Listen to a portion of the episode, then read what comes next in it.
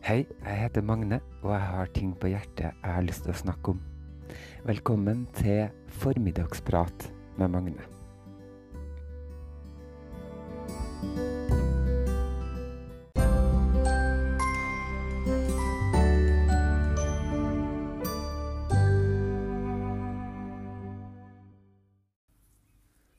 Nå er jeg ute og går på ladestien, og det er så idyllisk her at det er nesten latterlig.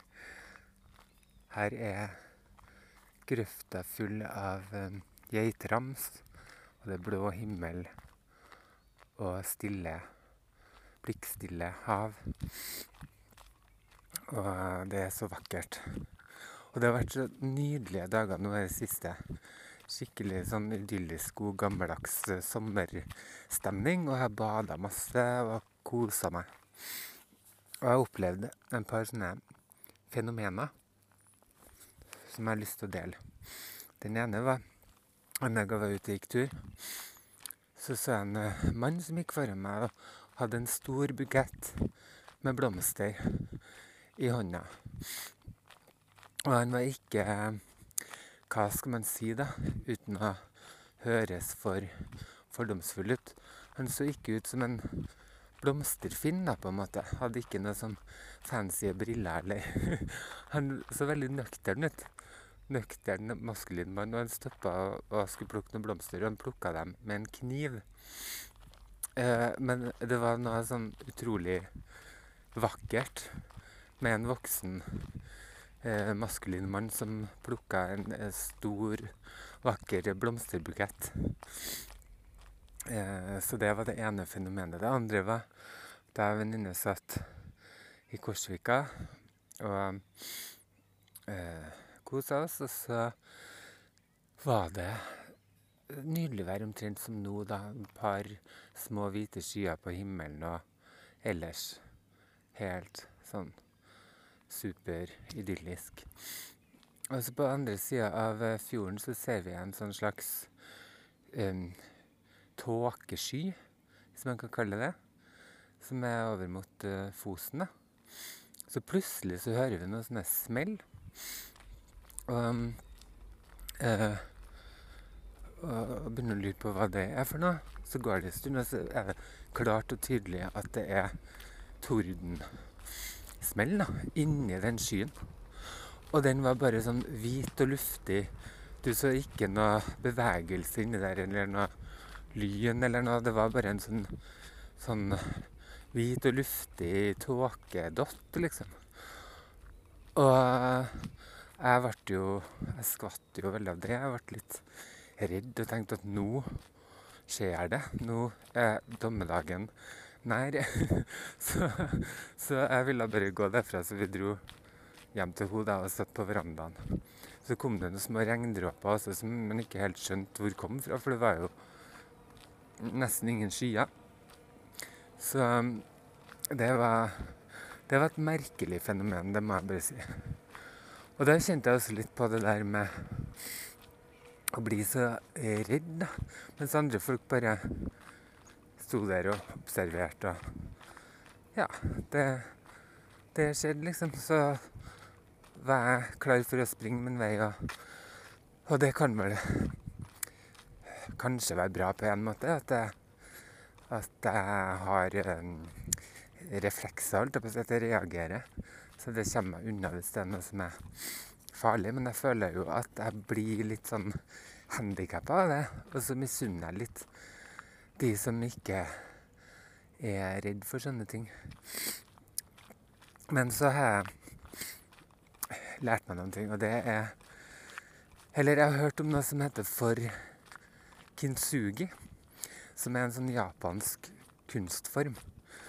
Så eh, den går ut på at når, eh, når man knuser noen ting, da vaser eller skåler, gjerne keramikkting, så i stedet for å kaste dem, eller at de blir bare er ødelagt, så tar de og limer dem sammen med gull. Og dermed så blir utgangspunktet som er noe som er ødelagt, blir enda vakrere. Og det har de som en slags filosofi. Det er også en filosofiform, eller Eller hva man nå kaller det, da. Som jeg ikke husker navnet på. Men eh, det går ut på det, da, at man skal betrakte livet som Som ikke som perfekt, men som en slags helhet. Da, at det består av både vanskelige og fine ting, og at, at uh, til sammen så blir det noe særegent og vakkert over det. da. At man omfavner alle uh, sidene av livet. Og det kan jo også overføres til det menneskelige. ikke sant? At vi, at vi blir ødelagt av og til og, og knust. Kanskje av hjertesorg eller av angster eller sånn. Men eh, det blir også en del av oss Kanskje det også styrker oss og gjør oss enda vakrere som mennesker. Og det tenker jeg at, eh, at det gjør. For folk som har opplevd mer og vært gjennom tunge stunder, har ofte mer livserfaring, større empati for andre, kanskje og, og sånne ting. Og hvis man har noen defekter, på en måte, så er jo det kan jo det bare være en del av, av det her mennesket, da. Som man kan akseptere og Eller eh, eventuelt prøve å reparere med gull, da. Det syns jeg er fint. Og forleden dag så hadde jeg også en liten samtale med elfenbensbæreren igjen. Og han, eh, vi snakka litt om det her med depresjon, og det tenkte jeg du skulle få høre. Um, få høre da, hva elfenbensperren har å si om depresjon.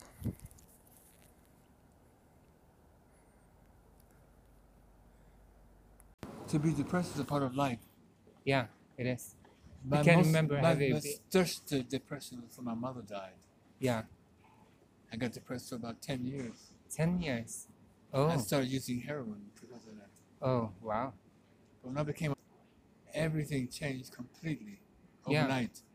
It's it's strange to think about that you have been like 10 years depressed because Exactly. when I look at you now, you're such a vibrant person. When I came, you know, I came out of it. you came out up. there. Yeah, You know, they I have an but expression actually, that those, what doesn't kill you makes you better. yeah, yeah, that's right. I wouldn't be without any of my experiences No, because everything built me up to be who I am today. yeah. But how was it in those 10 years? How could a day be then? Boring. Boring, yeah, And I was using a lot of drugs yeah, to get So- over, to get away from my life. yeah, just to To pause it or escape. to escape from it. Yeah. Yeah, but then you came out of it. I got my daughter when she was born. Oh, My first A cost for henna. I stopped smoking Just changed. cigarettes and every all this shit is gone. oh, I only got one problem still. That's I love sweets. mm. I can't stop eating sweets, Mm. and I'm not supposed to. Yeah, but how do you think about uh, when you if you think about people now, maybe that you know or something who are depressed right now? I don't. I don't have so much contact with people actually Yeah. anymore as I used to because I live so far away from the town. I don't go out anymore. But can you say to them that there's hope or there's Of course, a future I'm a very positive person that Yeah. way. Did you think uh, like that when you were depressed? That it No. was a hope or I, I so somewhere inside of you, you, some, something new. you had something there. I think that's what we call intuition. Yeah. So you knew, but you just I didn't know didn't how to know do how it. to do it. Yeah. But the day I became a father, everything changed. Yeah, but do you need to be a father to be not be depressed? Do you think, or is I did. you had to do that? I don't know. We're all different, thank God. But could there have been something else? It was You my think? daughter. Yeah, it was your daughter. Yeah. She gave me a reason to want to live. Mm. You know, it all started when my mother died. Yeah. I got so depressed that I started using heroin Yeah. and went the wrong way. Yeah. When my daughter was born, I looked at her, and she looked at me. I saw my mother Yeah. in her eyes. But you also told me this story about how you quit heroin. because I was doing it and I forgot to lock the door. My little brother came in, Mm. who's always looked at me as his big, strong brother. Mm. And in his eyes, I saw I went from 10 to new. Yeah, So it made me stop. that did something. I always say day two. Yeah. It was a God, God sent him in to save me. Wow, that's quite strong because uh, when I think about people who use heroin, that's one of the most uh, it's hard. yeah hardest thing to get out of, and most people get stuck in it. I know. I did, I did for six years. S- Six years. Yeah. Yeah. But when I, when I Oh, looked God in his bless. eyes, God sent him to make me stop. Yeah. Wow. Bless him. God. exactly, both of them. yeah. Oh, but it's so nice to look at you now because you're really vibrant and uh, Well, a you know, person. you have to go through a lot of shit to understand what happiness is, you know. hmm Yeah. But basically, I've always been a happy person. Yeah, but I feel it too because when when I get some gloominess or something, I can think about something else bad. You know, for example, I know somebody who killed themselves. Yeah, it could have And I can- worse. I can think about them and say, you know what, my life is pretty good. Exactly. So uh, compared to To to, this, exactly. or I've been in worse situations before exactly. you know so i know that this is it feels bad right now but but it's gonna be better it's gonna be better and i yeah and i want to do everything to to make it do my best to get out of this you know so yeah You but know, it's not easy or It's not easy. sometimes it's like everything is shit and you don't once, and this guy said, "Life sucks, and then you die." yeah. Life's a bitch and then you die. And then i've you- heard that. Yeah, both. yeah. Life sucks and then you die. But we're not dead yet. My favorite expression is, "Nothing is too bad that you can't get over Mm. if you want to. yeah if you want to If you want to." hmm Now we have sometimes we're tested all the life, you know. yeah We're always tested to see just how strong we are. Because you have to be strong to live on this fucking planet. yeah This this Uh, is this is not a playground. this is not a fucking playground. it's baby. not a fucking playground It is not.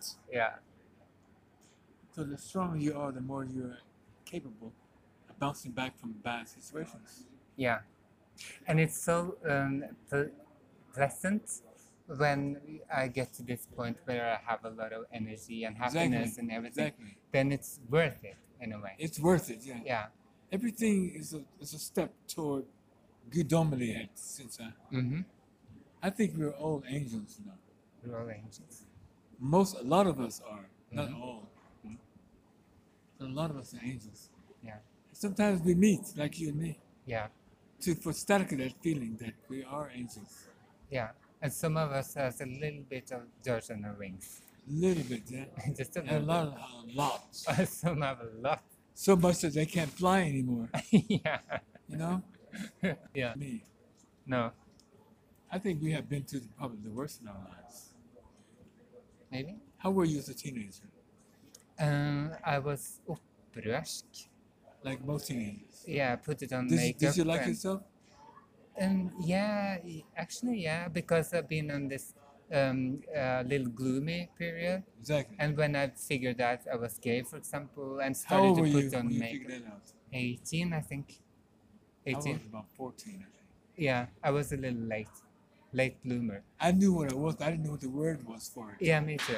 I, I I- knew that I was different, Yeah, yeah, I didn't know what it was called. But the gay thing was it took a little time for me. It took me to about 18, 19 too. Yeah, me too. But then when I figured that out, I put on a lot of makeup and glitter and everything. You know. You I- did? Yeah, and I uh, I started to to like myself. Exactly. Uh, With your makeup on. Yeah, and she was How did she react? she didn't like that.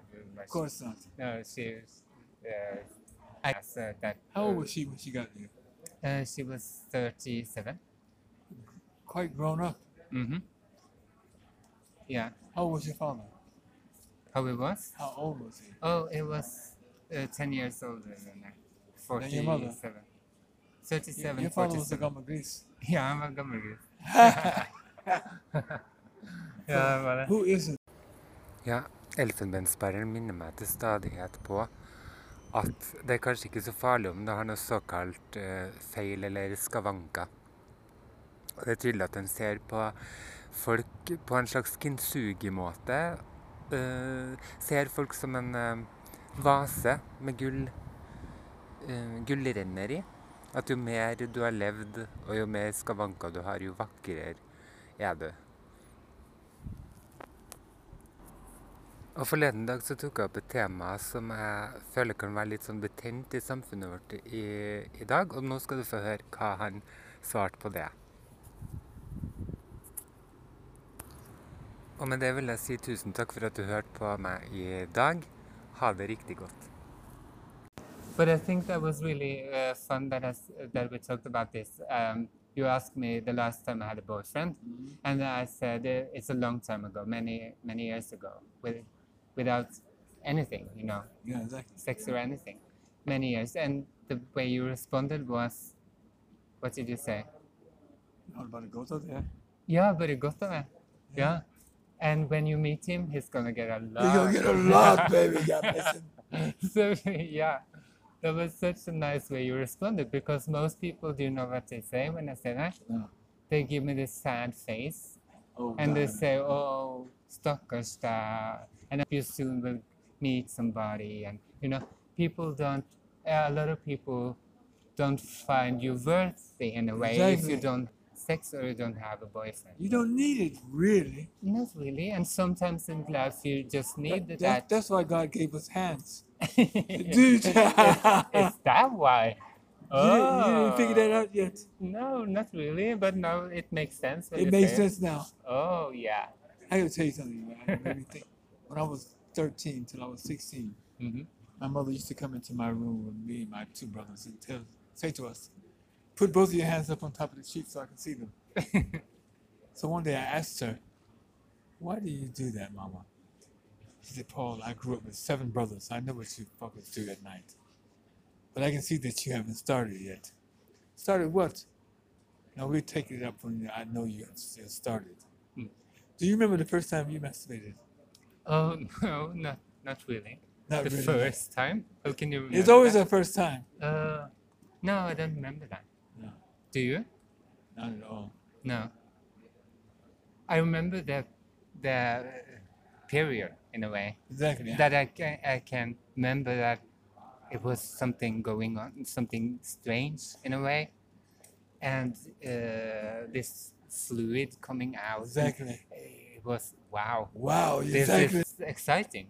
Exactly. I think it was exciting. You know, it's one of the most glorious feelings we feel having an erect, having an orgasm. Yeah, it's it was. It's lovely. very addictive. Yeah, Isn't it it's addictive. It's very addictive.